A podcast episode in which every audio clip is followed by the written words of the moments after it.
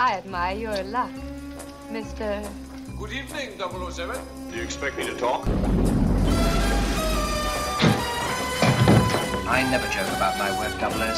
Spectre, Special Executive for Counterintelligence, Terrorism, Revenge, and Extortion. Names is for tombstones, baby. Don't take this monkey out and waste it now. The name's Bond. James Bond. Goddagens, goddagens gott folk och hjärtligt välkommen tillbaka till Filmfett Solo med yours truly Robin Andersson. Idag så är Alex inte med för jag tänkte jag skulle snacka lite grann om James Bond återigen. Så inga gäster i dagens avsnitt dessvärre, men tro mig, han kommer tillbaka och det kommer han göra med råge för eh, vi har planerat en del roliga avsnitt. Men idag så ska vi inte prata om roliga saker, nej för fan. Det här eh, kommer vara lika torrt som en, mm, ett museum för tändstickor. Jag vet inte fan, kanske inte det. Men skitsamma. Eh, vi ska prata lite grann, eller jag ska chattra på lite grann som vanligt om James Bond. Och eh, ursprungsplanen var att jag skulle snacka om Timothy Daltons två filmer och sen kötta igenom tv-spelsindustrin med James Bond. Men så insåg jag det att vad fan, det makes no fucking sense att köra det. Då är det bättre att köra två filmer av Timothy Dalton och köra alla filmerna med alla svåran Pierce Brosnan. Så det blir allt som allt sex filmrecensioner, om jag inte har räknat helt åt helvete. Och eh, det kommer bli intressant. Från 87, har jag för mig, fram till 2002. Så ja jävlar, håll i hatten gott folk, för det här kommer bli eh, en jävla cool resa. I take it that this is not a social call, 007. Correct. You should have brought lilies. May I ask why? Smiert spionem. Smiert spionem. 1987 så gjorde John Glenn en comeback med James Bond och The Living Daylights. Så eh, Roger Moore hade ju slutat. Han fick ju lite kritik för förra filmen då, A View to a Kill, där han ansågs vara för gammal. Och eh, man var tvungen att söka runt lite grann, vem fasen ska vara nästa person till rakning? Eh, Sam Neill var intressant ett tag. Och Pierce Brosnan var väldigt intressant ett tag. Men Pierce bestämde sig att fortsätta med rollen i en tv-serie som han höll på med som heter Remington Steel. Så eh, därför fick de gå vidare med nästa person och de hade tänkt väldigt länge på en person som heter Tom Dalton. Som bland annat då um, är med i Flash Gordon från 1980. Och jag har för mig om jag inte minns helt åt helvete att det var där de insåg att den här snubben är något vi vill ha. Det var ju därifrån de i alla fall hade hittat um, um, Topball som senare dök upp som en eh, typ biroll kan man säga. I en av de bästa filmerna då eh, i James Bond, For Your Eyes Only, med Roger Moore. Så jag misstänker också att Timothy Dalton måste nästan ha varit sått sitt lilla frö där i och med att de ändå hade sett Flash Gordon och sett Top prestation. Så han var nästa person som skulle bli James Bond.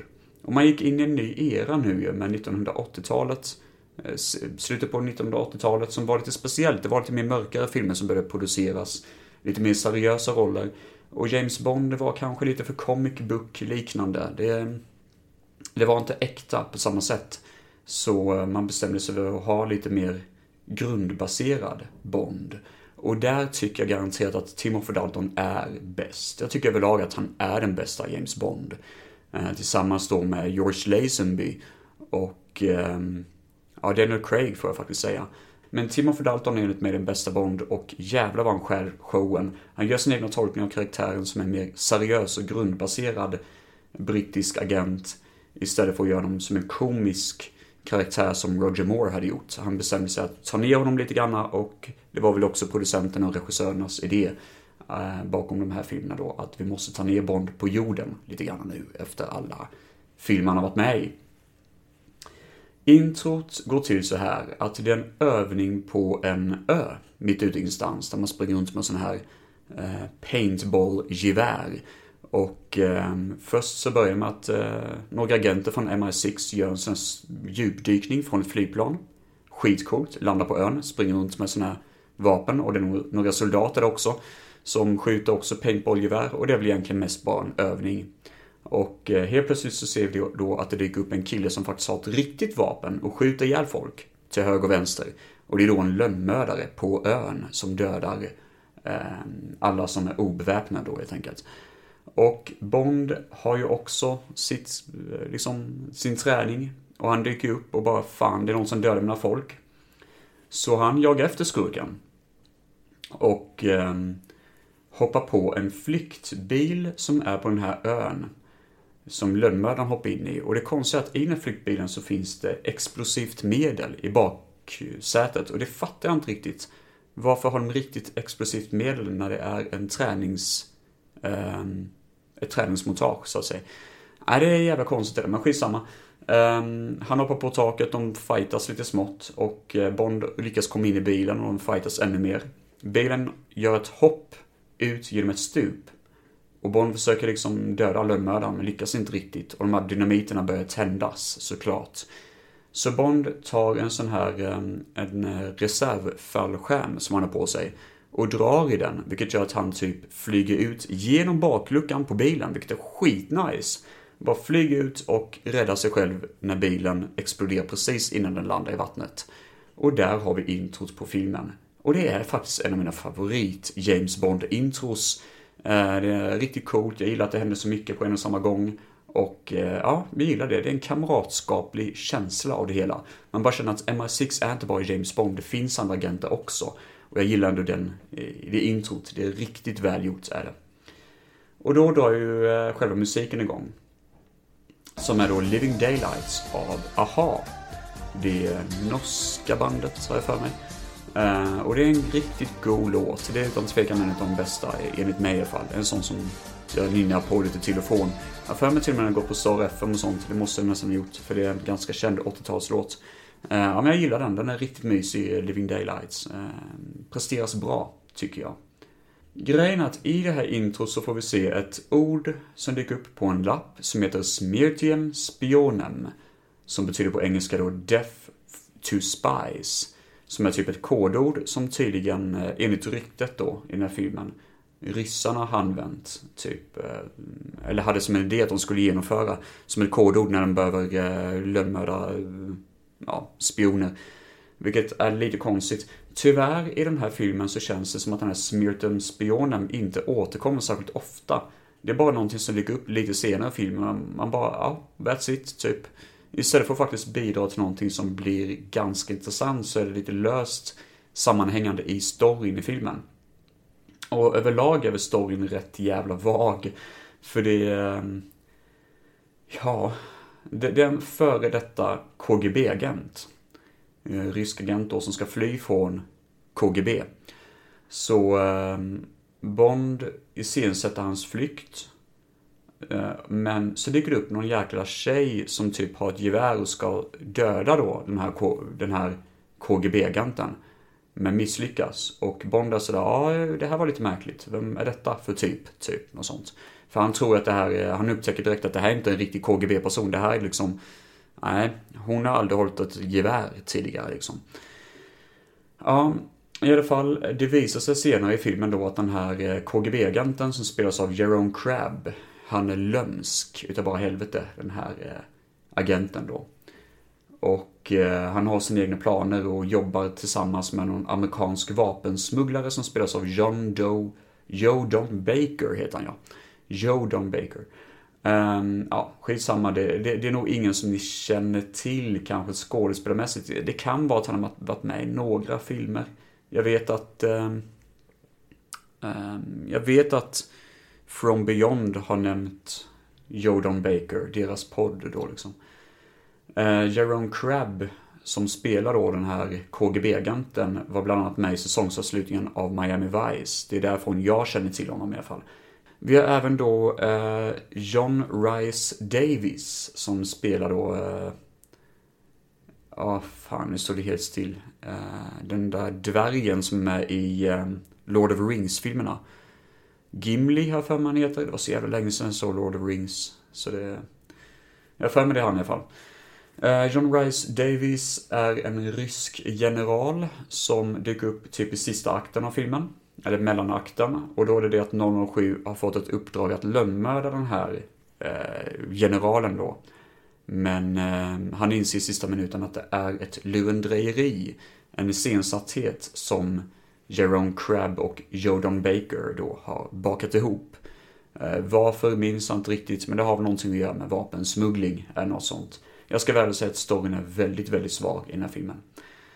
Eh, det dyker också upp ett fysiskt hot i filmen som heter Necros. Och Necros är en eh, blond kille som John McClane dödar i Die Hard. Det första personen John McClane dödar i Die Hard dyker helt enkelt upp som skurk i en James Bond-film. Och han är det fysiska hotet i filmen. Och det är ganska coolt faktiskt för um, den här lönnmördarskurken då, Necros, dyker upp i ett kök i en herrgård. Eh, någonstans i, när filmen verkligen drar igång på riktigt typ. Och eh, slåss mot en MI6-agent i det här köket. Och det är så coolt att se, för det här är inte James Bond som MI6-agent, det här var en random dude. Men det är så kul att se liksom att man får se en annan person som är vältränad i kampsport. Eh, för det är verkligen en jättejämn och häftig fight där i köket. De kastar knivar på varandra, de kastar stegpannor och allt möjligt och blockar varandras slag och så. Och det är en riktigt jämn fight. Och det är så kul att se att man får se andra karaktärer än eh, just James Bond från MI6. Som faktiskt inte bara är värdelösa på att slåss utan faktiskt gör ett fysiskt hot mot Necros. Även om Necros såklart vinner i slutet. Um, och det är då att det här, eh, den här räden mot den här herrgården att det är eh, startskottet på filmen nästan där storm verkligen drar igång för då kidnappas den här KGB-agenten som hade hoppat av då, Jerome Crobe, eller Crabb, kidnappas eh, från herrgården. Men allt är egentligen iscensatt och det är då Jordan Baker som har iscensatt allting för att de jobbar tillsammans tydligen. Och det har någonting att göra med någon rysk revolution, har jag skrivit här i mina anteckningar. Och eh, opiumsmuggling i Afghanistan. Och det är väldigt vagt, som sagt var det här, um, väldigt vagt ihopsatt. I filmens sista akt så, eh, så bondar James Bond tillsammans ihop med några terrorister i Afghanistan som springer runt med hästar och attackerar en eh, eh sån här flygplans eh, Eh, airport kan man kalla det för. För att gå, göra en räd mot ett eh, helikopterplan som kallas då för Hercules. Och eh, det är ett stort jävla lastplan som är eh, typ filmens final kan man väl säga. Eller i alla fall det fläskiga liksom eh, klimaxet i filmen.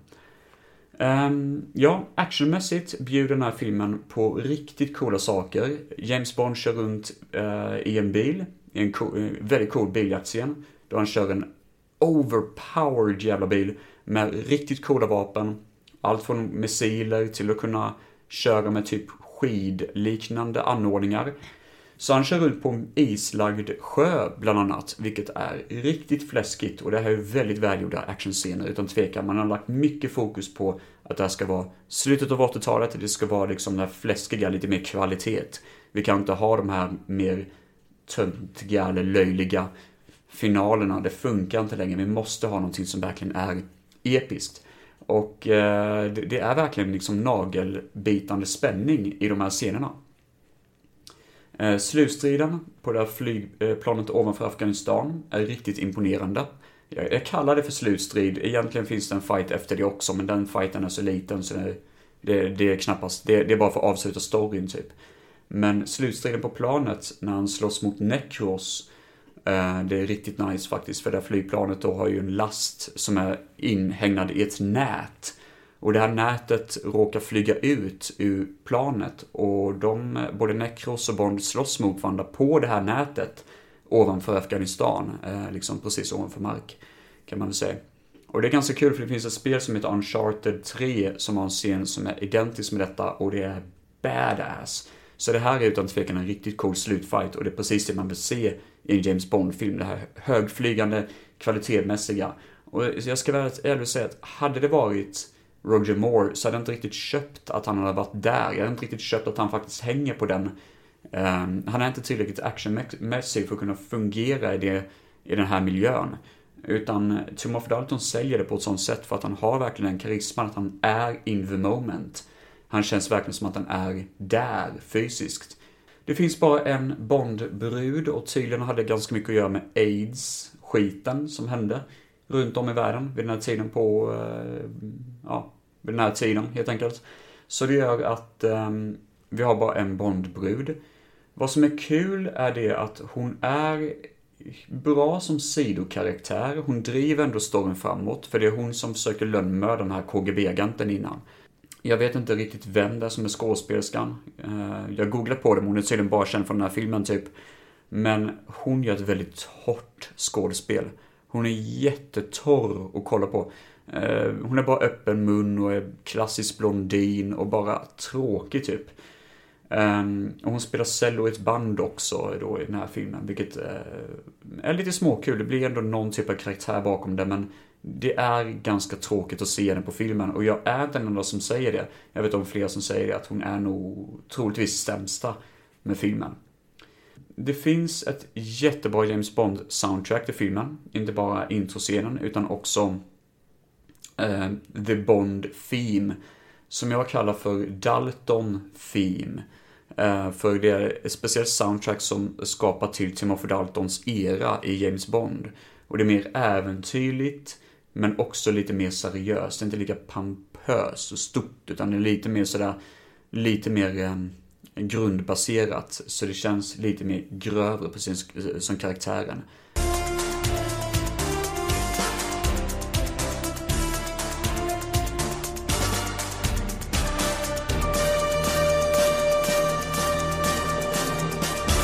Och det är det jag verkligen gillar med filmen. Det, det, det är nog fan det som är grejen som jag verkligen tycker om med den här eh, 007-filmen, att den är så perfekt balanserad. Det är jättebra miljöer, jättebra action, men Bond i sig är väldigt grundbaserad i det här, i det fantastiska som sker. Han är inte lika eh, löjlig, typ som Roger Moore kunde vara ibland, eller även de flesta andra kunde vara ibland att det är lite för löjligt och de fattar det och skämtar lite grann om det. Utan han går all in och har verkligen fortfarande lite sån här grövre humor, men inte riktigt för mycket. En av 80-talets bästa, skulle jag vilja säga. En av 80-talets bästa filmer generellt. Särskilt 87 i alla fall, eh, självklart. Eh, utan tvekan. Efter den här filmen så slutade John Barry göra 007-musik. Det var ju han som gjorde musiken i den här filmen. Och han gav upp den karriären. Och eh, ja, det, det är ju så helt enkelt. Och det sjuka är det att den här filmen kom ut 1990. Ja, 87 menar jag. Och redan två år senare så kom nästa film ut, vilket är ganska sjukt faktiskt. Um, så det blir spännande att se vad den är. Men generellt, all in all, Living Daylights, en av de bästa James Bond-filmerna. Uh, riktigt god, klassisk 80-talsfilm, men ändå på något vis baserad i att vara James Bond. Perfekt balanserad. Och uh, ja, fan, den, den, är skön och väldigt bra foto med. Jävlar vad snygg den är ibland, alltså shit. Så det här är kvalitet på hög nivå utan dess like. Where's my wife? Don't worry. We gave her a nice honeymoon. Vi har ju inte gett upp med Timothy Dalton, utan Timothy Dalton gjorde ju som sagt var två James Bond-filmer och efter uh, Living Daylight så gav han sig iväg till 1989 och gjorde den mycket mer grundbaserade License to Kill. Återigen med eh, John Glenn som eh, regissör. Och ehm, det här är mycket mer grundad film, till skillnad från första filmen. Jag kommer väl återkomma till det också, vad jag tycker kanske inte riktigt funkar med License to Kill. Eller som det heter på svenska, Tid för hämnd. Vilket är en jävligt dålig svensk titel, ärligt talat. Förra filmen har också en dålig titel, Iskallt uppdrag heter den på svenska. Fan vad vagt, det är riktigt dåligt... Eh, dåliga... eh, dåliga titlar där, utan tvekan. I alla fall, John Glenns sista film i rodret som eh, regissör. Han har gjort jättemånga Bondfilmer. Och han som gjorde introt och introtexten till de här filmerna, Morris Binder, det är hans sista intro som um, art director. Jag tror till och med han dog um, efter inspelningen, jag för mig det faktiskt. Eh, det är många sista skådespelare, eller sista prestationer för vissa skådespelare i den här filmen. Jag för mig M hade sin sista roll. Ja, det hade jag ju för fan. Det stämmer. Eh, personen som spelar M hade sin sista prestation här som karaktären M då. Broccoli, som var producent bakom filmen, gick bort 1996. Så detta var också hans sista film som producent. Det här är den enda James Bond-filmen som aldrig filmades i Storbritannien, vilket är ganska intressant faktiskt. Och originaltiteln var tänkt att vara License Revoked. Men det hade varit ganska löjlig eh, titel. Miami Vice var ju en otroligt het potatis, så det är klart att man ska involvera kokain i License to Kill. Jag vet faktiskt inte hur lik den här filmen är dess bok, eller dess böcker, det vill säga. Det handlar om att Felix Leiter, i introt av filmen i alla fall, eh, Bonds CIA-kompis, han ska gifta sig. Vilket är jättekul. Bond är jätteglad och de ska iväg till giftermålet. Men först så måste DEA sån här, mm, ja just det, jag för mig att Felix Leiter nog bytt ett jobb från CIA till DEA som är sån här drugs, ja, de ska ta emot, eh, liksom ta skurkar som håller på med droger helt enkelt. Och de ska ta hand om skurken Sanchez som är en kokainsmugglare utav rang, väldigt stor jävel. Så um, Bond hjälper till och flyger ett flygplan över um, Felix Leiters flygplan.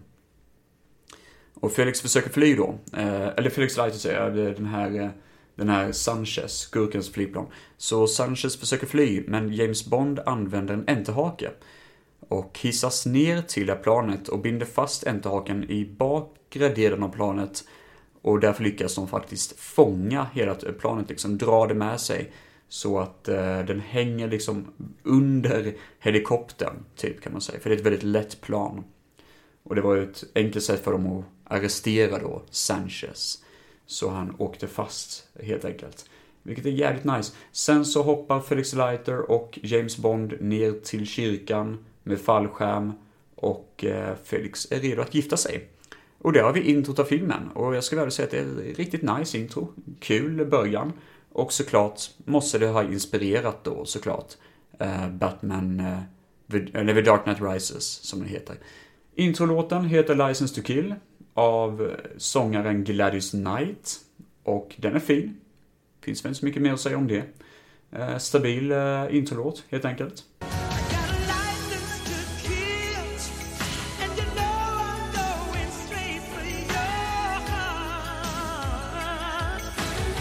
Sanchez um, flyr då, alltså efter det här så får vi se att Sanchez flyr sin, ehm, en sån här skåpbil, polisskåpbil. Direkt efter då att han blivit tagen så flyr han den med hjälp av Ed Killingfer, som är då en um, insider hos CIA som jobbar uh, med då uh, Sanchez för en stor summa pengar. Så han lyckas ju bli fritagen då efter att han ja, bilen kör ut eh, i stort sett liksom, ja, eh, ner i vatten och då dyker upp en massa dykare som räddar då eh, eh, Sanchez från sin fångenskap. Everett McGill heter han, som spelar då Ed Killingfer. Och det är Big Ed från Twin Peaks bland annat. Han är också med i Dune och The People Under the Stairs. En Riktigt fin skådespelare, alltid kul att se honom, no matter vilken roll han har. Och eh, alltid kul att se honom i en James Bond-film. Det, det, är roligt att se ansikten man känner igen. Och Sanchez, så han känner vi också igen och jag kommer komma till honom alldeles strax också. Men eh, själva bron som den här eh, häktesbilen kör på ser ut som att det är exakt samma bro som är med i filmen True Lies. Med Arnold Schwarzenegger. Helt säker på det, för det måste vara den här eh, Crab Keys, eller någon, någon, någon sån här Florida Keys-bron som är jättelång och kör mellan eh, land och en ö mitt ute ingenstans.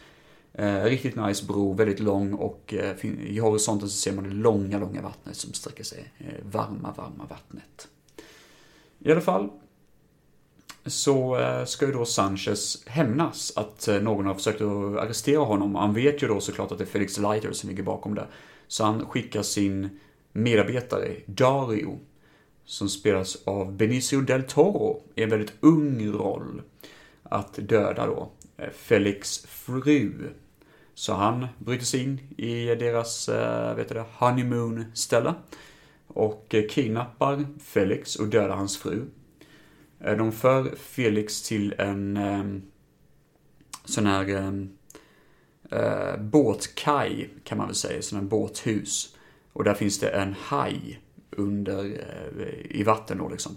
Så de öppnar upp den här, eh, eh, liksom, gaten till hajen om och slänger ner honom i det här hålet så att han äts levande, får båda benen amputerade i stort sett. Men jag för man, han överlever ändå attentatet, men hamnar ändå i koma. Så Bond får höra allt detta såklart, blir helt devastated och ger sig på jakt efter Sanchez och ger sig på jakt efter Dario. Men då kommer eh, M, chefen av James, eh, James Bonds boss då och säger att nej, du får inte göra så, du kan inte jaga efter dem, du är för involverad, låt CIA sköta det här.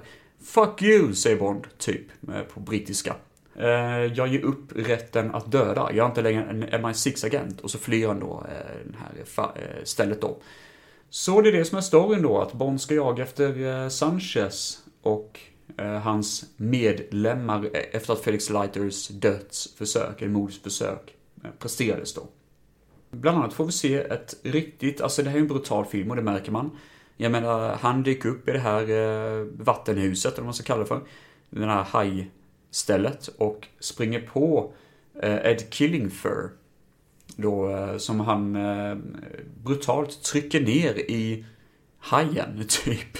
Han, han liksom bara kastar ner honom nästan i det här rummet med hajen så att han blir uppäten av den här hajen på egen hand.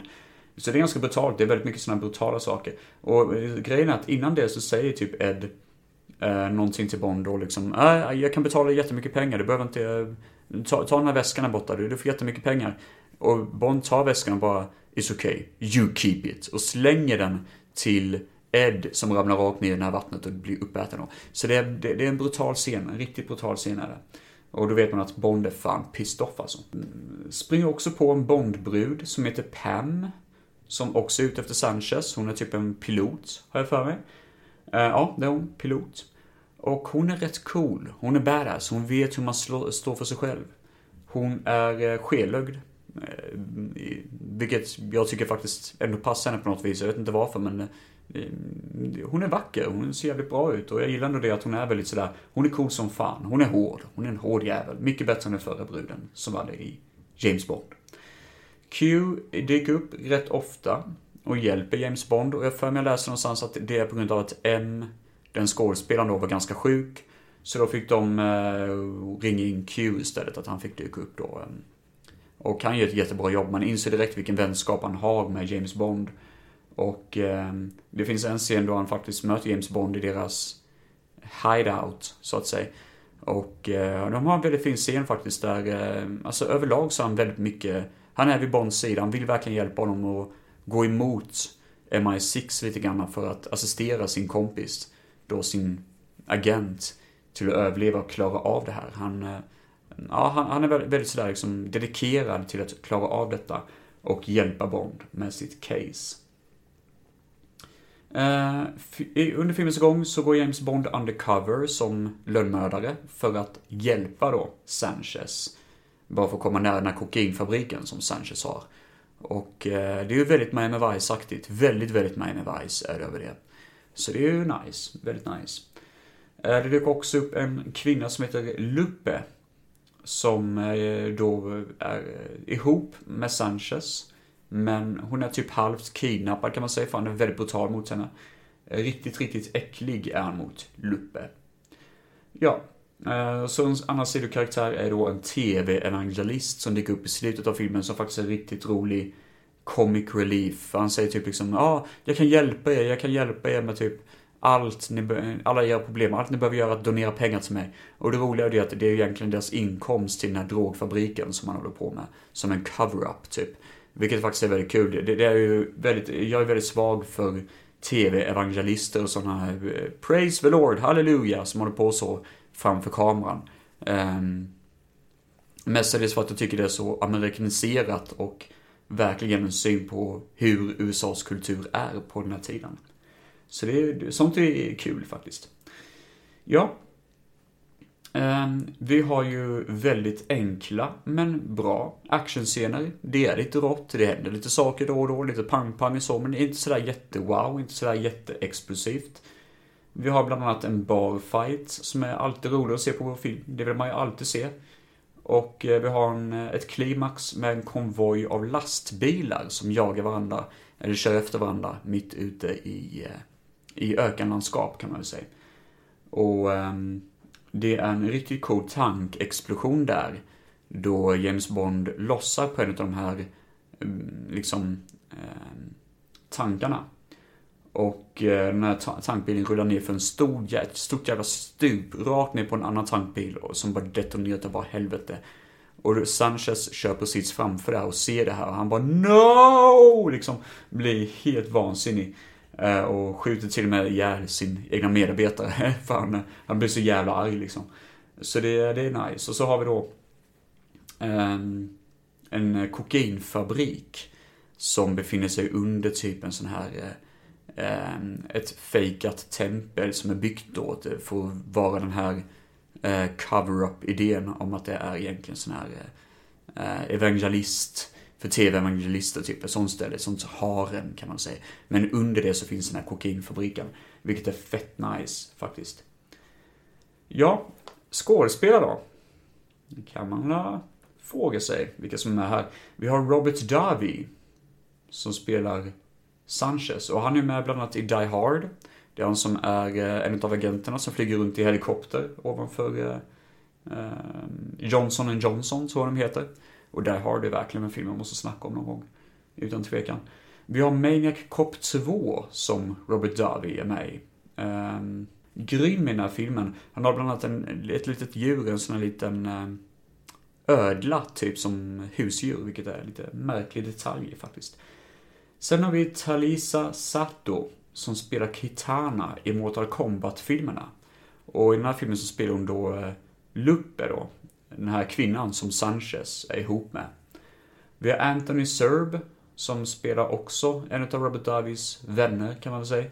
Han är skurken i komedin, en av de bästa komedierna jag sett. See No Evil, Hear No Evil. Och han är även eh, någon rik man, kanske till och med borgmästare i filmen Dead Zone.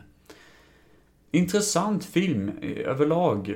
Jag skulle väl säga att jag gillar den här filmen, men även om jag har hyllat den och berättat många coola saker och så, så vill jag ändå säga till att den, den är för tom. Jag vill ha mer. Det här känns som ett Miami Vice avsnitt i väldigt fin miljö. Och jag som älskar Miami Vice tycker det är jättekul. Och det hade funkat om det vore en Miami, en Miami Vice-film. Eventuellt hade det funkat i alla fall, för jag hade ändå velat ha lite mer också.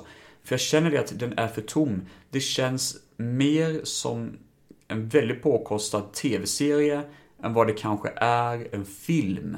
Jag vill ha det där lilla extra, det där edgen som gör att det går upp ett notch. Jag menar förra filmen, där hände saker hela tiden för att storyn utvecklades. Man följer ner ledtrådar och så. Här är det lite grann på tomgång. Det händer samma saker hela tiden.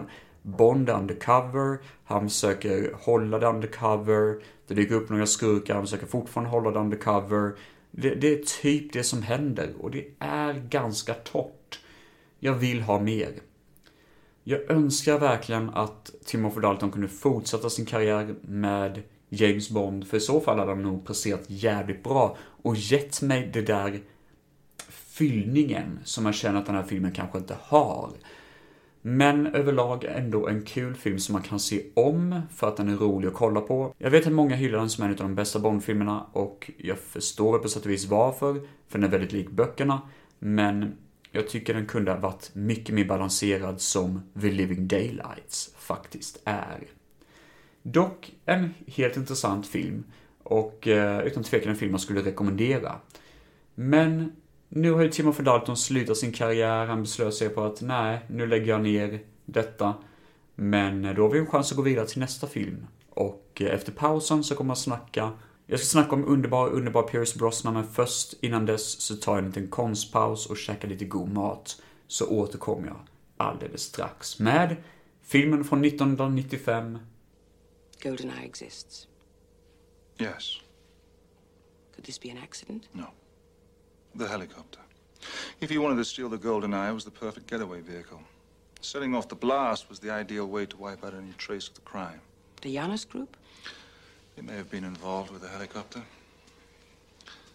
I know the Russian failsafe systems. You just don't walk in and ask for the keys to the bomb. You need the access codes. Ja, då är vi tillbaka igen med eh, lite James Bond nu efter en liten mikropaus. Det är några timmar senare efter att jag spelat in eh, början av avsnittet. Och jag märker redan nu att det här kommer nog bli ett jävligt långt avsnitt. För nästa film som jag har att prata om där har man ganska mycket good shit att snacka om. Det är Goldeneye från 95. En av 90-talets bästa filmer som någonsin har producerats. Ja jävlar. Eh, det börjar med det största hoppet i filmhistoria. Fan, jag glömde skriva vem som är regissör. Ja, skitsamma.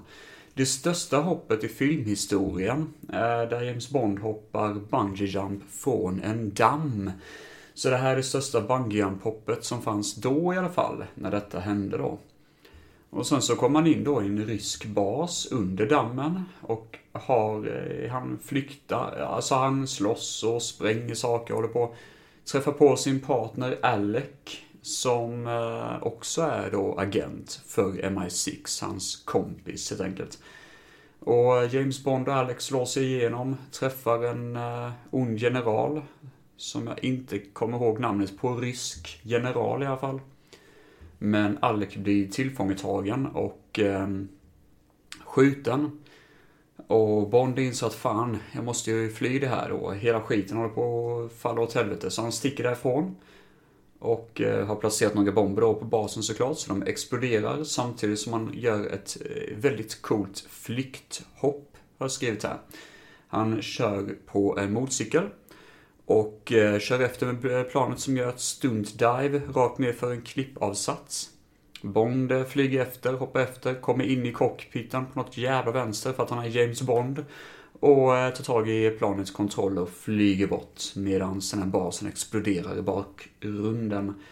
Det är jävligt coolt alltså, för fan. Det, är- det är riktigt nice. Och sen drar filmen igång på riktigt då med det här otroligt häftiga eh, introduktionsscenen då. Det här introt som eh, Ehm, Morris Binder brukade göra. Nu är det en annan animatör, jag vet inte fan vem det är, men han gjorde ett otroligt bra jobb. Eller hen gjorde ett jävligt bra jobb i alla fall. Sjukt välgjort är det. Eh, kan vara något av de snyggaste visuellt. Eh, fortfarande idag är det, ser det riktigt jävla bra ut. Alltså typ över 20 år senare så kan man knappast toppa det här. För det, är, det här är nästan visuellt det coolaste filmintrot i James Bond i alla fall. Tillsammans kanske med Skyfall tror jag, för jag tycker introt i Skyfall är jävligt badass också. Ja men det här är coolt, det är riktigt bra den här animationen. Fy fan vad coolt. Och musiken är outstanding också. Det är Tina Turner som sjunger låten Goldeneye.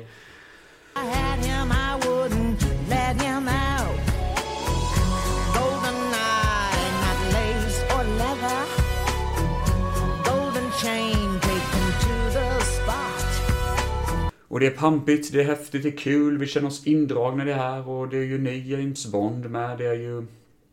Um, inte Timothy Dalton, han gav ju upp, så det, då blev det till slut faktiskt att rollen föll då på Pierce Brosnan som sagt var och ja, det här är ju, Oh, allt funkar så jävla bra i början liksom. Sen får vi en funkig musik under en biljakt där James Bond kör en Aston Martin för att testa bilen. Och eh, så kör han förbi då en tjej som är jävligt attraktiv. Och så har de lite car chase, typ biljakt. Och det här är lite märkligt för efter det så började han undersöka vad det var för tjej. Så han började kolla lite grann på den här bilen typ. Och jag fattar inte riktigt varför han gör det. Men eh, han får reda på att det är en person som heter Xena Onatop. Och eh, att hon eh, då är lite sådär, eh, ja lite udda typ sådär liksom. Väldigt sådär, eh, gillar snabba spel och mm, ja. Eh, väldigt kvinnlig James Bond kan man säga. Om man tänker i början, men det här kanske är en eh, god karaktär. Eh, eh du. Det är kanske den ondaste karaktären i James Bonds historia nästan. Fy fan. Hon tänder ju på att slå folk och liksom göra våldsamma saker och döda folk och så. Det är ju hennes grej, hennes fetisch. Så det gör att hon är jävligt farlig, ärligt talat. Kanske seriens farligaste brud ever. Ehm, I alla fall så undersöker han henne lite granna. Vem är den här Xenia Onatopp? Och får reda på att hon eh, typ verkar ha någonting att göra med något, eh, någon ond liga. För helt plötsligt från ingenstans så är det en en, sån här EMP-blast i Ryssland som händer. Det är ett vapen som aktiveras och förstör en sändare, eller sån här sändningston. Och alla i det här stället dör då, för att då dyker Xenionot upp med den här onda generalen från introt och skjuter ihjäl alla. Och eh, det, är, det, är bara två personer som överlever det hela. Den ena är en datahacker som heter Boris, som jag kommer till senare. Och eh, så är det då eh, den kvinnliga Bondbruden som... Eh, vad i helvete heter hon nu igen? Eh, jag, jag är lite dåligt upplagt nu eh, i mina anteckningar, märker jag. Men eh, Isabella Scorupco heter hon, den svenska Bondbruden då, som blir eh, Bonds kollega genom filmens gång. Hon eh, råkar vara på den här basen och blir den enda som överlever och är därför key witness, så att säga. Och hon vet ju det att den här onda generalen och Xenia har ju snott då ett gigantiskt vapen som finns i rymden som heter Goldeneye, som är kopplat till basen. Som då förstördes av den här EMP-blasten. Så det är en klassisk sån här James Bond ska leta efter den här Doomsday Device grejen, den här Goldeneye och det kopplas då till Top som man helt random har sprungit på och då den här mystiska generalen. Men vem är det som är huvudskurken undrar ni? Jo, det får vi veta sen. Vi har en kvinnlig M som tar över rollen som James Bonds boss och det är Judi Dench som spelar den rollen och det är det mest ikoniska enligt mig. eh, M-prestationen då, för det är ju trots allt den första eh, M som man såg i min värld. Och jag tycker hon är den absolut bästa. Jag tycker hon har en jävla presence. Hon är, hon är en hård jävla kvinna, liksom kallhjärtad som fan och har lite problem till och med med James Bond. Jag är inte så förtjust i honom som karaktär, vilket gör henne jätteintressant enligt mig då. Så ja, hon tycker man ju om. Sen har vi ju då eh, huvudskurken i filmen som är då Alec Trevelyan som var med i introt, som vi trodde hade dött, men det har han inte. Och det visade sig då att hans föräldrar var tydligen sådana här korsaner eller något sånt, så de har blivit jagade typ eh, hela deras liv. Och tog självmord, en sån jättesär där liksom. Så han har ju haft en jävla uppväxt och eh, han är väl trött på Storbritannien och vill helt enkelt ta över världen. Han är trött på att bli dåligt behandlad och eh, på att vara en MI6-agent och... Ja, han, han känner att han, nu fick han en nystart när folk trodde att han var död. Så han har blivit skurk istället av det på då med det här Goldeneye-vapnet och startat sin egna kriminella liga och så liksom. Så han gillar man ju som fan, för han är ju typ eh, James Bond fast en bad guy liksom. Så han är ju också väldigt lik Francisco Scaramanga, fast kanske lite mer fysisk då. Eh, och det är Sean Bean som spelar rollen som den här eh, Alec Trevelyan. Och jag tycker han är ett jävla jobb, för fan vad bra han är. Han, eh, ja, eh, man kan inte se den här filmen utan att veta om att det är ju Sean Bean liksom, han gör ett jädra bra arbete. Men eh, ja, som jag skrev i mina kommentarer då, eh, en av de bästa 007 gone bad. För han är ju 006-agenten och sånt. Han, är, han har ju samma rank nästan som James Bond, så han är ju fan hård alltså. Eh, I filmen får vi en lång actionscen, alltså lång pratar vi om här. Då James Bond flyr ett fängelse i Ryssland. Det är han och det är Isabelle Scorupco som sitter fångade där. Och eh, de lyckas fly istället då, lite pang-pang, lite action sådär. Men då blir hon tillfångatagen i, den här, eh, i det här eh, fängelset och de ska fly därifrån med bil, eh, skurkarna då, med hon. För de vet att Bond är ju loose och man vill ju inte att Bond ska komma efter dem. Och vet ni vad Bond gör då? Det här är fan det bästa ever. Han tar motherfucking tankbil från absolut ingenstans, kör rakt genom en jävla vägg och bara jagar dem ute på typ Sankt Petersburgs gator och sånt. Det är så häftigt och cool jävla actionscen. Och man, visst, man sitter och skrattar för det är så over top och löjligt, men det är också så jävla coolt där. Det här är lätt en av de bästa Bond moments i filmen, eller i, i hela jävla serien ärligt talat. Det här är vad man minns att Bond gör. Och fan vad coolt det är att man gör det i Goldeneye också, den första filmen med Pierce Brosnan. Det är fan, det är svettigt alltså. Så han tar tankbilen, kör och jagar dem på Sankt Petersburg eh, gator. Och sen så flyr de in, eh, skurkarna då, i ett ånglok. Eh, som är typ... Och så kör de då och så står han med sin motherfucking eh, liksom eh, tankbil där och bara skjuter sönder typ loket och smyger in och skjuter folk hej vilt och räddar eh, kvinnan och drar därifrån. Och det här är en lång actionscen som känns ut som att den är 20 minuter för det händer så jäkla mycket. Men man blir aldrig trött på den för den byter miljö. Och eh, vi hade ju en eh, satellitdisk, eller sån här satellitstation som var i början av filmen eh, i Ryssland då, som, där allting började. Om man säger så, eller mm, inte allt började, men där de snodde de här Goldeneye-vapnet. Och i finalen har vi en megasatellitdisk som gömmer sig under typ en sjö. Så helt plötsligt så töms den här sjön, det är typ i Kuba sånt så, töms bara den här sjön på vatten. Bara, liksom försvann, försvinner ner som ett badkar. Och där är en, en gigantisk jävla liksom satellit. Och man bara, okej, okay, det här är rätt coolt. Eller satellitdisk, rättare sagt. Så då vet man att de är där under jorden, typ i en hemlig bas. Vet du fan, man har byggt det i hemlighet, men vem fan bryr sig? Det är James Bond. Så det är finalstället då, den här gigantiska eh, hemliga basen då under marken.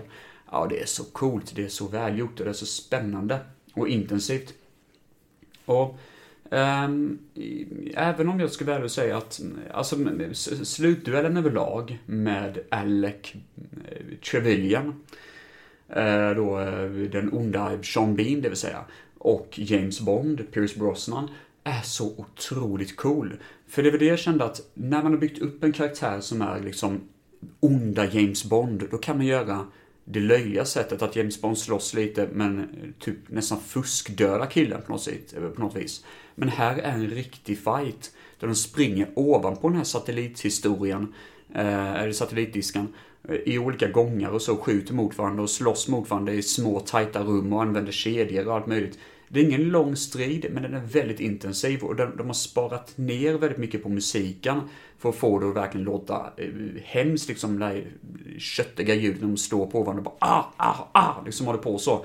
Och det är, oh, det är så spännande. Och helt plötsligt så bara händer någonting och då kommer den här en sån här cue, liksom typ som man kallar för, eh, sån här eh, låtslinga, liten kort låtslinga på typ bara tre sekunder. Man fattar, oj, shit, nu är det fan på G här liksom, nu händer någonting här.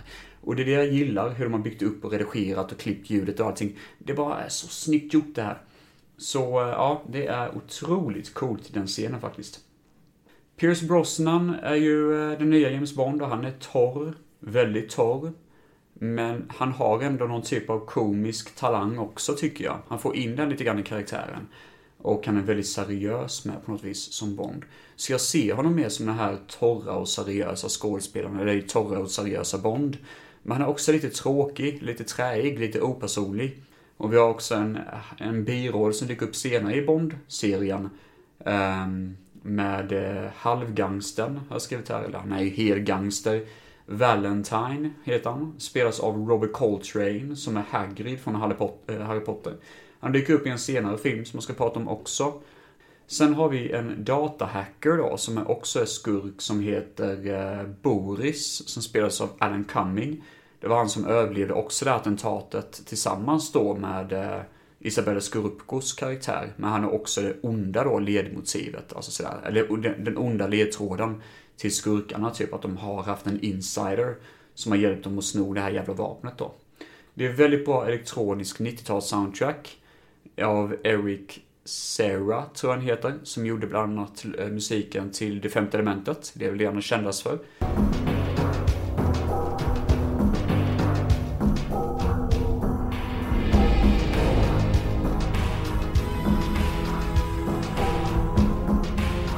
konstiga skarpa toner som nästan låter lite 60-talsaktigt på något vis. Kan inte riktigt sätta fingret på varför jag tycker det. Men eh, jag är inte tillräckligt utbildad i musik så jag kan ha helt åt helvete också. Jag har aldrig spelat spelen i serien. Jag bara spel, eller i eh, spelet, för det finns ju ett tv-spel till Nintendo 64 som heter Goldeneye. Aldrig kört det. Jag har bara kört remaken som var till Xbox 360 och det var inte värt det. Jag tyckte det var ganska tråkigt. Eh, där man har gjort typ återuppfunnit hjulet och gjort James Bond eh, spelet då fast, eller James Bond-filmen fast torrare typ nästan. Kan man säga. Kan inte riktigt förklara det men det, det, det, det är inte alls kul att spela faktiskt tycker jag. Ehm, sen är det ganska intressant att, eh, jag har pratat om i introlåten, att Bono har tydligen skrivit den.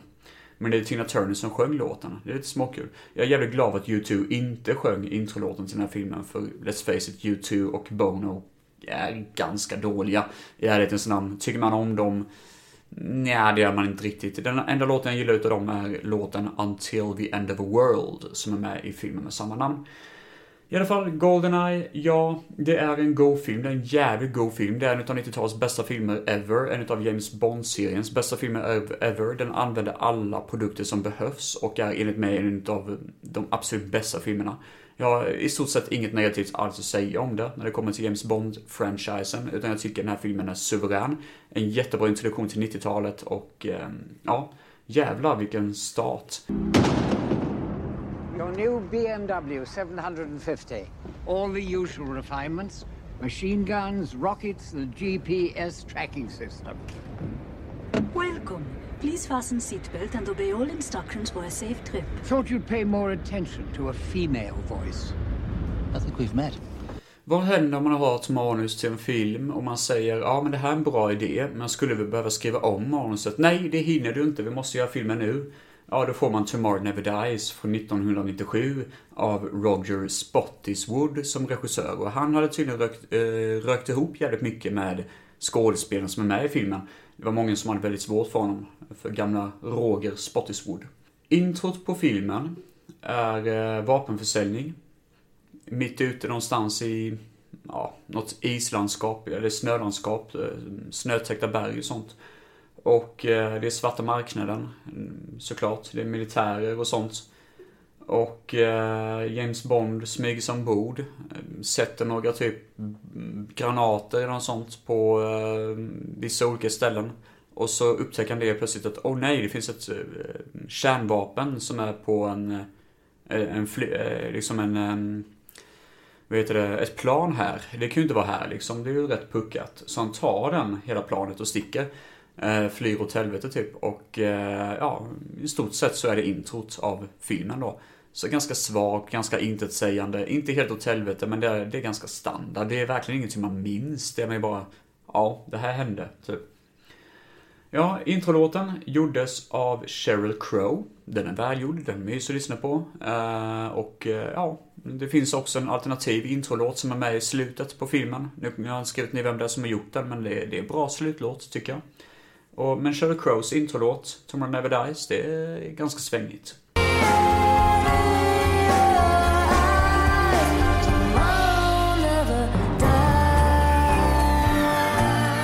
Eh, storyn i resten av filmen är då att vi har en mediakung som heter Elliot Carver. Som är gigantisk, jättestor i det här universumet. Han iscensätter ett attentat mellan Kina och USAs flottor för att starta ett nytt krig, typ tredje världskriget. För att han själv ska ha exklusiva typ säljsrättigheter i tidningen och media, typ världen över. Vilket låter jättelöjligt. Det, det låter väldigt löjligt, men samtidigt är det så att mm, det är kanske inte helt åt helvete på något vis. Det, det, det är någonting med storyn som är typ att det låter så ubåt och fånigt att det ändå skulle kunna hända typ. Och det är det jag gillar med det, att det är någon basis som är human och möjlig i den här eh, väldigt simpla storyn då. Eh, så det är då eh, storyn i filmen. Inte helt omöjlig story har jag skrivit här och det håller jag faktiskt med om. Jonathan Price är det som spelar Carter. Och eh, det är en kul idé med att han är mediamogul med storhetsvansinne. Men det blir inte mycket mer av det. Det känns ändå som att det blir för standard actionfilm. Det, det blir inget mer kul utav det. Det blir inte att man får se han liksom utnyttja olika media imperium på olika sätt. Utan det är att han står vid en stor skärm och bara pratar med folk typ. Eh, via skärmen då. Eh, och jag har lite svårt för det. Dessutom är ju Jonathan Price en rolig skådis, men han är kanske lite för eh, enkel typ att spela den här rollen på något vis. Det känns som att hade han haft mer möjlighet att ha ett bättre manus så kunde han kanske naila den rollen lite bättre. Och jag kanske gör den tredimensionell eller på något vis lite roligare att se på. Han är lite rolig att se på, men det är ändå det att det känns som att de har klippt bort mycket, eller tagit bort mycket av den personligheten. Och jag vet inte riktigt varför. Eh, Götz Otto är med i filmen. Och då undrar ni vem fan är Götz Otto? Jo, han spelar rollen Stamper som är typ en sån här... Eh, jag kallar honom för en blond jävla Barbie Den, en Barbie Ken-docka. För han ser ut som en sån här Ken eh, Barbie-docka då.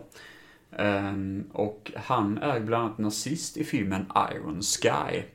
Men hans roll i den här filmen är väl att han är typ säkerhetsansvarig och sånt och jobbar med Carter då, så han är hans högra hand. Och lustigt nog en sån karaktär som jag tycker, det ja, jag tycker han lyckas jävligt bra med att vara sån här fysisk fiende. Han är väldigt arisk i utseendet och starkt och bara helvete i filmen. Eh, vi har även en karaktär som heter, ja, vad hon heter har jag inte skrivit, men jag har skrivit skitcool kvinnlig James Bond. Hon är en asiat i den här filmen. Eh, spelas av Michelle Yeoh.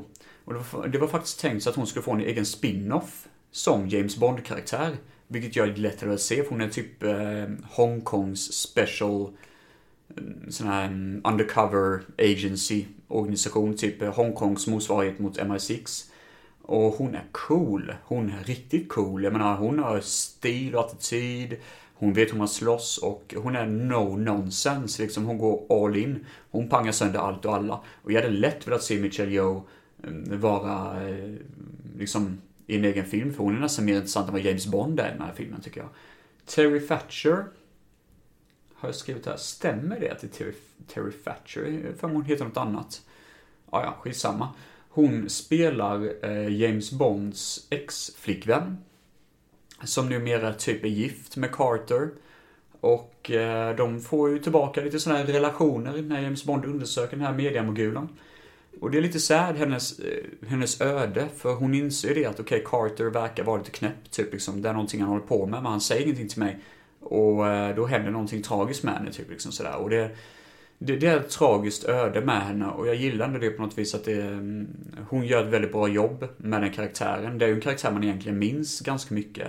Eh, på det sättet att så fort hon dyker upp i filmen, bara just det, den här karaktären. Det är lite moment nästan på något vis när hon dyker upp. För det, ehm, jag, jag brukar alltid använda det ordet moment när det gäller någonting i en film som är liksom specifik. Eller en sak i livet generellt som är specifikt. Ett moment där man bara oh. Skurken har ju en egen båt, en ubåt kan man väl säga, som åker runt till havs och det är hans huvudbas som är då platsen för filmens final. Och den är ganska tråkig, det är ganska torrt, det är ganska synd, man bara hopp, metall och jag vet inte, det, det hade varit roligare att se något annat. Typ kanske hans, det hade räckt med hans mediabas, typ att han har eh, hans hemliga mediabas och sånt. Eller kanske någon eh, radiostation eller något, alltså något roligare typ. Men det här är, man har sett det förr och det är lite tråkig miljö tycker jag. Det ser ju snyggt ut inomhus. För då är det typ som en stor svimbassäng och sådär liksom. Och eh, eller det är vatten överallt och det är mycket metall och sådana saker. Och jag gillar det. Men det är ändå tråkigt på något vis att det är finalen. Det skulle kunna vara mer, tycker jag. Men eh, i alla fall så är det då att um, han använder sån här, en gimmick, eller en sån här sak som man använder sig av för att ta sönder de här båtarna i kriget då, det här iscensattbara kriget. Och det är i form av en stor uh, torped som kan köra under vatten med stora motorsågsblad som kör in i skrov på båtar och får dem att sjunka. Och det är ju rätt coolt. Han får, eh, Bond får användning för den när han då ska eh, sabotera skurkens planer, så att säga. Um, just det, det är en lönnmördare som dyker upp i filmen. Som är ganska komisk faktiskt. Um, han ser ut som att han typ är en butler och han har bara en pistol liksom sådär. Och, men är tydligen väldigt sådär, väldigt vältränad eh, seriemördare, eller lönnmördare. Och uh, jag tycker om när han dyker upp för det är en sån scen som man bara, den är både komisk nästan på ett David Lynch-aktigt sätt, att det, det är lite surrealistiskt när han dyker upp. För han bara sitter där liksom med, med sin pistol och väldigt sådär extremt brittisk nästan. Uh, sådär nästan väldigt sådär, um, ja, mm, märklig, nästan flamboyant lönnmördare. Men han är ändå hotfull och han har gjort någonting som är ganska brutalt i, i scenen innan då. Men eh, ja, det är en deppig scen på vissa sätt. När han dyker upp för vad han har gjort innan scenen träffar Bond då. Men det är också en komisk scen för hur han är som person. Och ja, men jag gillar ändå, eh, det, det är som också återigen ett sånt moment som sticker ut lite grann i filmen. Och eh, sånt tycker man är väldigt kul. Vi har en bil som är skitcool i filmen, som är kanske en av James Bonds bästa. Jag tror det är en BMW också han kör här. Men den, eh, hans gimmick i det här fallet är att den är självstyrande med hjälp av en eh, handkontroll. Vilket är jävligt nice. Så Bond använder den när han kör i ett eh, parkeringshus där filmens biljakt utspelar sig. Och det är ju alltid coolt att ha ett eh, tight utrymme där folk skjuter utav bara helvete. Och Bond använder sin liksom eh, handstyrda eh, bil då för att fly situationen. Vi har även eh, en tidningsfabrik som används som stridsyta. Och det är mycket pang-pang och mycket fight och det är välkoordinerat och kul att kolla på, utan tvekan. Ehm, och eh, då så undersöker även James Bond en sänkt båt som finns under vattenytan. Och jag gillar det. Jag gillar när man går lite grann under vattenytan ibland och ska göra lite undersökningar och så. Det blir, det blir lite sådär... här Ehm, ja, att han leker detektiv lite så. Det tycker jag om. Det är synd bara att han inte gör det mer i filmen utan det känns som att filmen bara mm, progresserar på på sitt egna tempo typ. Och eh, sen finns det en jävla cool scen också. Eh, som är typ klimaxet kan man säga. Ett högt höghus mitt ute i Shanghai tror jag det är. Ehm, och Bond och den här, eh, vad heter hon, Michelle Yao flyr byggnaden genom att- att hoppa ut genom ett fönster, ta tag i någon sån här typ eh, banner med eh, Carters face på. Som rivs ner ut med fasaden på byggnaden.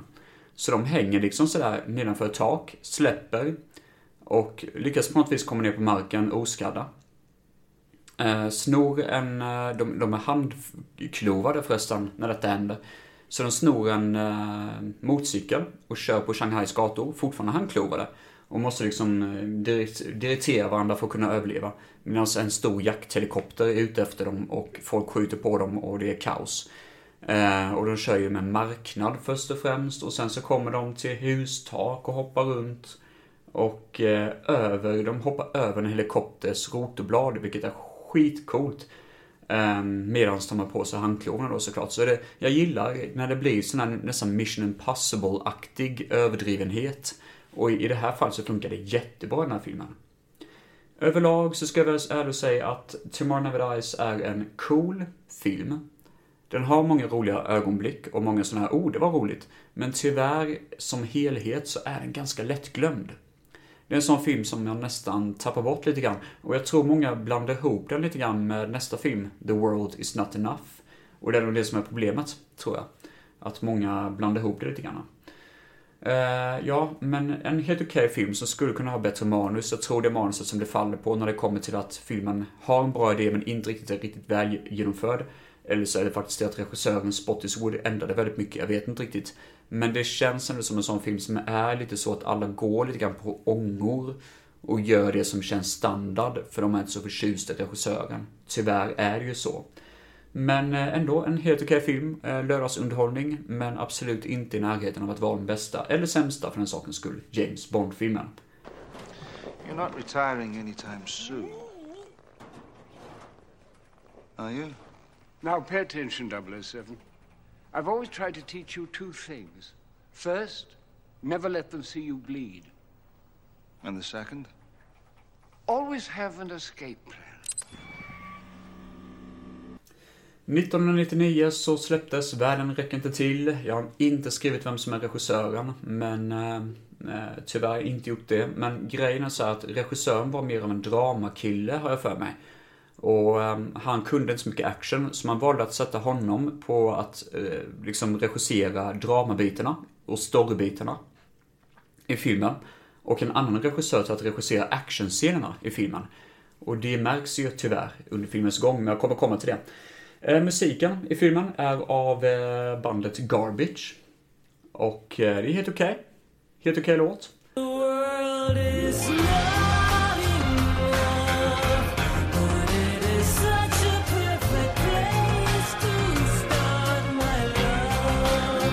Helt okej introscen också för den sakens skull. Det hade förra filmen också. Den var jättemysig introscen.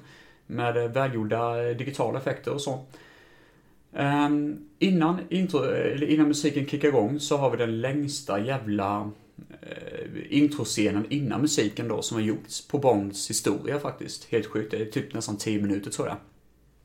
Och det är jättekonstigt för det börjar på en bank med att James Bond slåss mot några killar där i en scen som är jätteliten och väldigt onödig, ärligt talat. Hade de bara haft det som en scen så hade man bara tyckt att det det är det sämsta jävla sättet att introducera Bond på. Men sen så fortsätter filmen då och då är det typ att en kille som heter Robert King mördas i MI6-huset av en explosion. Han är en oljepamp och tydligen en väldigt god vän till M. Men eh, i alla fall så inser det eh, James Bond det direkt att oj shit, det är en lönnmördare utanför. Så han flyr den här, eh, jagar efter den här lönnmördaren då som såg till för att jobbet skulle genomföras i en båtjakt eh, i Thames River, har jag skrivit här, i Storbritannien. Och eh, det är hela jävla introscenen. Fram till, eh, till det att den här lönnmördaren tar livet av sig själv.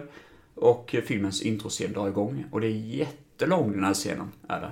Och det känns lite onödigt. De behöver ju inte ha med det med att han är egentligen här eh, i banken. Det känns ju jättepuckat. Som sagt var, nu har jag ju skrivit en jävla massa konstiga saker. Men storyn överlag är ju det att eh, James Bond försöker undersöka mordet på Robert King. Och eh, kommer till en person som heter Electra King. En kvinna som brukar vara kidnappningsoffer. Och eh, blir räddad då för några år sedan, tror jag det är. Och eh, hon eh, tycker väldigt mycket om sin far och sörjer sin far och så vidare. Men de försöker ta reda på vem det är som dödade Robert King och är ganska övertygade om att det fanns en anarkist som var en fiende till Robert King. Eh, Den här anarkisten heter Renard. Och eh, då så undersöker Bond det och eh, ja, det är i stort sett storyn på filmen typ. Det är inte så mycket mer än det. Det har någonting med olja att göra. Oljemaximperium och sånt. I alla fall så eh, är det en scen i filmen då M tas till fånga. Hon blir fångatagen. Och det är ganska kul för då blir det lite mer drama över det hela att Bonds chef har blivit tillfångatagen då. Det har aldrig hänt tidigare. Så vitt jag kan komma på en James Bond-film i alla fall. Och eh, Q, som brukar ge Bond hans eh, leksaker, har bestämt sig att han ska sluta. Så eh, då får vi en efterträdare i form av R, som spelas av John Cleese. Och det här var ledsamt nog Qs sista roll, den skådespelaren. För eh, han dog senare i en bilolycka. Han trodde att han skulle, först eh, så var det tänkt att han skulle gå igenom en operation och han trodde att han skulle överleva den faktiskt. Det var en jätteallvarlig hjärtoperation tror jag. Men han överlevde den. Men eh, tydligen så var det att han dog i en vanlig standard bilolycka. Och det är en ganska ledsam scen också när han eh, säger farväl till James Bond då. Um, säger typ liksom att always have an escape plan. Och så försvinner han då. Och man bara, oh, det var det sista vi såg av Q. Det var ganska sad faktiskt. Och John Cleese, alltså, R, nej, det är en ganska dum idé. John Cleese av alla, nej, det känns väldigt... Nej, jag fattar inte riktigt vad fan jag tänkte på där. Varför just John Cleese? Det är jättekonstigt. Jag menar, eh, det känns så standard. Ja, vi, vi anställer John Cleese, han är ju jätterolig. Man bara, men man behöver inte vara så rolig hela tiden och lustig hela tiden. Man ska vara en sån här uppfinningsjocke. Det behöver man inte vara liksom. I alla fall. Så har Bond skadat sin axel under filmens gång. Och eh, det påverkar honom. Han blir lite svag i axlarna, Han är inte lika stark som han brukade vara. Och det tycker man ju ändå om. Att han är lite dödlig. Och nu kommer vi till actionscenerna i filmen. Grejen är att det märks ju att det är en annan regissör som har regisserat actionscenerna. För de hänger inte ihop. Det sker action, lite pang-pang. Åh nej, nu är det lönnmördare! Pang, pang, pang, pang! Och så skjuter de på honom, Pang, pang, pang, pang, pang. Och nästa scen adresserar inte ens vad som har hänt. Vilket gör att de här actionscenerna bara till för att höja upp stämningen för oss som kollar på filmen. Bara, oh, nu blir det action, men det driver inte någonting. Det är ingen ledtråd som hittas, det är ingenting som går vidare till nästa scen. Det är verkligen inte som i Goldeneye, där det var tre jävla coola actionscener efter varandra som går ihop i varandra för att man ska byta miljö och hamna i en viss situation som leder till en ny sak. Utan det här bara liksom, nu är det action och nu är vi tillbaka till vanligt igen. Och det har jag väldigt, väldigt svårt för faktiskt. Så eh, vi har exempelvis en skidjaktscen som dyker upp från ingenstans när Bond eh, åker då med Electra King. Eh, åker skidor och jagas av mm, typ hovrar som flyger, såna här nästan helikopterliknande fordon med eh, eh såna här parachutes då. Eh, hanggliders som de kallas för. Och det är en jätteonödig scen. Den är säkert välgjord och så, men det, det har ingenting med filmen att göra. Eh, och eh, så är det också en ganska cool scen. Det är nog det enda som har med filmen att göra. Där ehm, Bond jagar efter eh, sin ärkefiende Renard i då den här gruvan. En gruva där eh, man har då kärnvapen. Och Renard har stulit ett kärnvapen i den här gruvan. Så det är det enda som faktiskt har någonting med filmen att göra. Och leder filmen framåt, vilket är kul. Vi har även en riktigt cool scen på en oljeplattform, är det.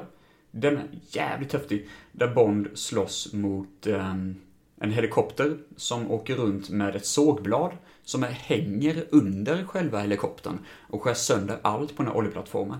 Så det är riktigt nice faktiskt. Den är sweet som fan. Så det händer lite roliga saker, det gör det verkligen. Men det är ändå det att det har ju fortfarande inget- alltså det hänger väldigt ihop löst med filmen, så att säga. Um, det är mycket vatten i filmen, väldigt mycket vattentema, utan tvekan. Den vattnigaste filmen som finns. Eh, Bond blir blöt i nästan varje scen. Och eh, skådespelarmässigt så har vi Robert Carlyle som spelar Renard, anarkisten då, som inte kan känna någon smärta för att han har en kula i huvudet. Vilket är jätteintressant, jag gillar det med det. Han är också döende för den här kulan i huvudet, vilket också är kul. Och eh, Renard är då tydligen ihop med Electra King. Så de är ett par, för det var Renard som kidnappade Electra tidigare då, innan filmen drog igång då. Och eh, det är därför då som hon lider av Stockholm syndrome med Robert Carlyles karaktär. Och hon spelas av Sophie Markow. Ingen megakändis kanske, men eh, hon gör ett jävla bra jobb. Och eh, jag gillar dem, den duon är väldigt bra faktiskt. Och det är nog många som ser ner på den ganska mycket. Och sen har vi då eh, tillbaka då i filmen så har vi Valentine från Goldeneye, den här smågangsten som hjälper James Bond. Eh, vi har även Bondbruden i form av Christmas Jones. Som eh, spelas av Denise Richard. När jag var ung tyckte jag hon var skitsexig och jag fattade inte varför folk tyckte hon var dålig skådespelerska. Men nu fattar man ju varför. Hon är ju verkligen inte... Att hon ska vara forskare, det... Nej. Jag köper inte det. Hon ser ju väldigt bra ut och så, men det, det är så jävla konstigt. Var, varför ska hon vara en forskare? För det är nog den sämsta rollprestationen i, vad jag, vad jag kan komma på i alla fall. Alltså så den sämsta. Vad fan tänkte de när de gav henne den rollen? Varför kunde det inte vara något helt annat? Eller Varför ens ha henne? Kunde man inte ta någon helt annan med person som kan sälja det, att man faktiskt är en forskare? Eh, jag fattar inte varför vissa vill göra det, att de vill visa att de är mer än snygga och så misslyckas de totalt med att faktiskt vara liksom mer än snygga. Nej, men eh, det är en väldigt dålig planerad film. Eh, The World is not enough. Den hänger inte riktigt ihop. Men det är faktiskt kul miljöer att kolla på. Det är roliga actionscener att se överlag, trots att det inte hänger ihop någonting. Och eh, det, det utspelar, alltså slutet är ju en ubåt som är väldigt tight och jobbig, men det är också mycket vatten. Den börjar läcka vatten och sånt. Vilket jag tycker är jättekul. Eh, för det blir ganska mycket sån här klaustrofobisk känsla av det. Och det tycker jag är nice. Och jag gillar ju ändå som sagt var skurkarna, så ja, jag tycker den här filmen får mycket skit som den kanske inte riktigt förtjänar. Kommer man någonsin göra en remake på några filmer i James Bond-franchisen så hade jag velat se en remake på Världen räcker inte till. För det är intressant, i ärlighetens namn. You know, you're cleverer than you look. Hmm, still better than looking cleverer than you are. Follow me, please. Now, new watch. Um, this will be your 20th, I believe. How time flies. Yes, 4007. Why didn't you establish a record by actually returning this one? Ja jävlar, nu ska vi avrunda dagens avsnitt med Diane of a Day från 2002 av Lee Tamahori. Som är från Island, om jag inte minns fel. Och den här filmen har blivit sågad som fan vad den har blivit sågad. Och när jag var ung så tyckte jag den var skitcool. Nu är den ju sådär, men den är ju inte så illa som alla säger. Men, men, men, jag ska förklara. Eh, det börjar med att Bond befinner sig i Nordkorea på en bas. I eh, väldigt, alltså för det första, filmen är väldigt, har väldigt fult filter över sig. Det ser fan skitigt ut allting. Det fattar jag inte. Varför har man tagit bort alla glada färger och allt det positiva? Det ser fan ut som att det utspelar sig typ i Ryssland någonsin. Men i alla fall, ehm, alltså, alltså hela filmen är sån. Det, det är hela, så fult jävla filter över hela skiten här. I alla fall, Bond är i Nordkorea eh, på en bas där. Han är undercover som vapenhandlare. Eh, och håller på med diamanter och någon sån skit. Och det leder till att mm, han blir upptäckt. Och eh, skurken i det här fallet då, jag kommer inte ihåg vad han hette. Men han bestämmer sig för att nej, du ska fan dö. Jag ska sätta en kula i huvudet på dig.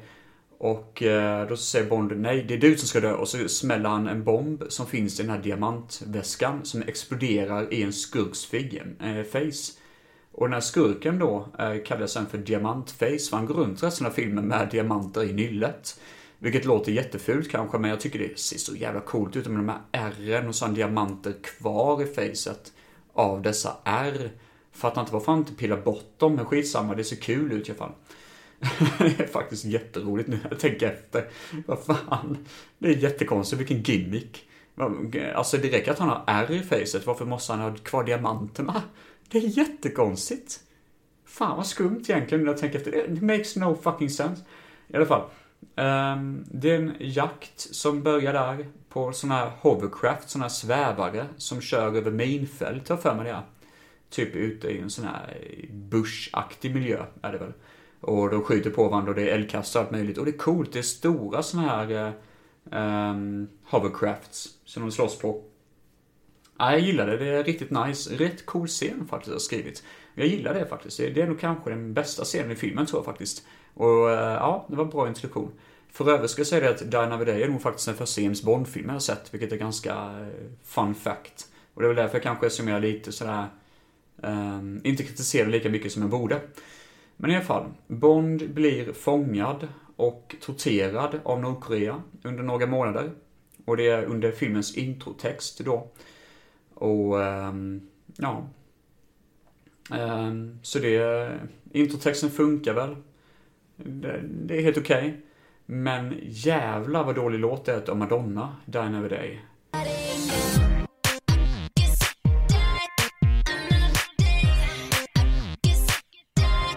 Det är som sunkig 2000-talslåt. Det låter som att den skulle vara med i typ Absolute Music-skiva eller något sånt. Det låter inte som att det passar in i en James Bond-film. Det är för jävligt och autotunat som fan. Äh, fy! Det är ingen klass på det alls. Det här är kanske någon av de sämsta Bond-låtarna. 007 byts då till, eh, för han är ju som sagt var fånge där i Nordkorea, men så helt plötsligt så får han gå fri. Så han blir utbytt till MI6 och England igen. Utbyte mot en fånge då. Eh, och den här fången är ju diamantfacet som man kallar honom för. Sao, som han egentligen heter. Som tydligen har eh, hamnat i Storbritanniens händer. Och eh, han hamnar i en cell medan en undersökning pågår av MI6. För de tror att det är någon på MI6 som då um, gjort en whistleblower typ till uh, Nordkorea och avslöjat då att James Bond var på jobb där. Vilket är anledningen till att han måste undersökas för de tror det är han själv som har råkat då göra en whistleblow typ och försökt en undersökning och sånt. Så det är därför han inte får gå fri helt enkelt ännu. Men Bond flyr för han är James Bond. Och han flyr då till mark igen. Och eh, under resten av filmen så ska han jaga vem det är som är insidern då på MI6, vem det är som är skurken där. Och jaga efter fången då som byttes ut, Sao Diamond Face. Eh, då jaga efter honom. Michael Madsen är med i filmen, eh, vilket känns jätteonödigt. Alltså, för det första så tänker ni säkert, vad fan nämner du ens Michael Madsen för? Vad, vad, vad är poängen med att nämna honom? Nej, det enda jag kan säga är att han är med i filmen. Det är verkligen det enda. Jag menar, varför har man anställt... Det kunde inte vara Virginia Madsen och hans mycket mer intressanta syster. Hon är ju fan skitcool ju. Men Michael Madsen är ju torr som fan. Eh, sen har vi då Diamantkung i Storbritannien. En diamantjävel. Som heter Gustav Graves. Som såklart blir eh, Bonds huvudfiende under filmens gång. För Bond inser det snart, eller senare i filmen då, att Gustav Graves är egentligen den skurken som jagade honom i Nordkorea fast han har bytt sitt eh, utseende då. Eh, ja, det är ganska fult. Jag för mig till och med att hans underhuggare blev då Diamond Face, typ. Ja, jag vet inte fan. Det, det är så dåligt förklarat alltså. Skitsamma. Gustav Graves är skurken i filmen och han är väldigt generisk. Eh, uh, just det, jag glömde att säga att Madonna är för fan med i filmen också. Hon är en liten cameo kan man väl säga. Vilket är precis så onödigt som att säga att Michael Madsen är med i filmen. Uh, vi har även Hale Berry som rollen som James Bonds kollega Jinx. Tycker hon funkar rätt okej. Okay. Vi får lite gadgets i filmen såklart. Som exempelvis en bil som kan bli en Ashton Martin Vanish, tror jag den kallas för. Som kan bli osynlig. Vilket många tycker var jätteonödigt i filmen. Och många bara kritiserar som fan att det är jätteöverdriven gadget, typ. Jag tycker det var helt okej. Okay. Den hoppar väl lite hajen, men det, det, är ändå inte så ful som man tror. Och det funkar verkligen. Jag, jag, jag, tycker det funkar också som en device i hur Bond då dödar skurken i slutet av filmen då. Filmen utspelar sig bland annat i ett ispalats i finalen, typ de sista 40 minuterna. Och eh, ja, det... Mm, ja, vad ska man säga? Det är vad det är, typ. Ja, det, det är ju otroligt ful dataeffekt. Alltså dataeffekterna i den här filmen är ju förjävliga. Det är ju det som verkligen drar ner filmen utav bara helvete.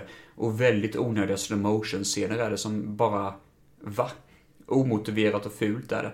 Och filmen är, i sig är ju väldigt generisk. Den har ju ingen idé vad fan den vill hålla på med, eller vad poängen är. Och jag fattar fortfarande inte varför titeln heter Die Another Day, för det är så dålig titel. Så jävla generisk titel. Och det här skulle kunna bli egentligen dödsdömda för Bond. Men det blev inte det, tack och gud. Det var dock den sista filmen med, ehm, med Pierce Brosnan och, eh, ja, Delar ganska bra på sätt och vis. Han hade ju ändå en good run, trots allt. Och jag tycker ändå att Die a Day, som är, det, det är hans sämsta, eh, alltså Brosnans sämsta film i alla fall. Men det är kanske inte den sämsta filmen i James Bonds historia i alla fall. Den är inte så dålig som alla säger. Den har sina problem, men det är en film man kan slå på och åtminstone kan kolla på. Till skillnad från Moonraker, eller Diamantfeber. Så ja, det är väl det jag har att säga om Die Another Day. Ja, det var ett långt avsnitt idag. Eh, lång avhandling. Men eh, kände också det att det kan vara ganska gött på sätt och vis också. Det är inte så ofta jag gör de här avsnitten längre. Men eh, ni får följa Filmfett Solo på eh, Facebook och på Instagram. Eller Filmfett heter jag bara där. Eh, finns även på blogg.se, filmfett.blogg.se. Som heter så enkelt där då. Så det går jättebra att kolla upp där också. Ehm, ja, nästa gång så avhandlar jag väl i James Bonds värld i alla fall. Så kommer jag att tugga mig igenom fyra goa filmer. Så det blir inte lika långt avsnitt av um, Daniel Craig. Ni får det så jävla bra gott folk och hör av er om det är någonting. Eh, det är bara att skicka ett meddelande om ni undrar över något. Ha det bäst. Hej.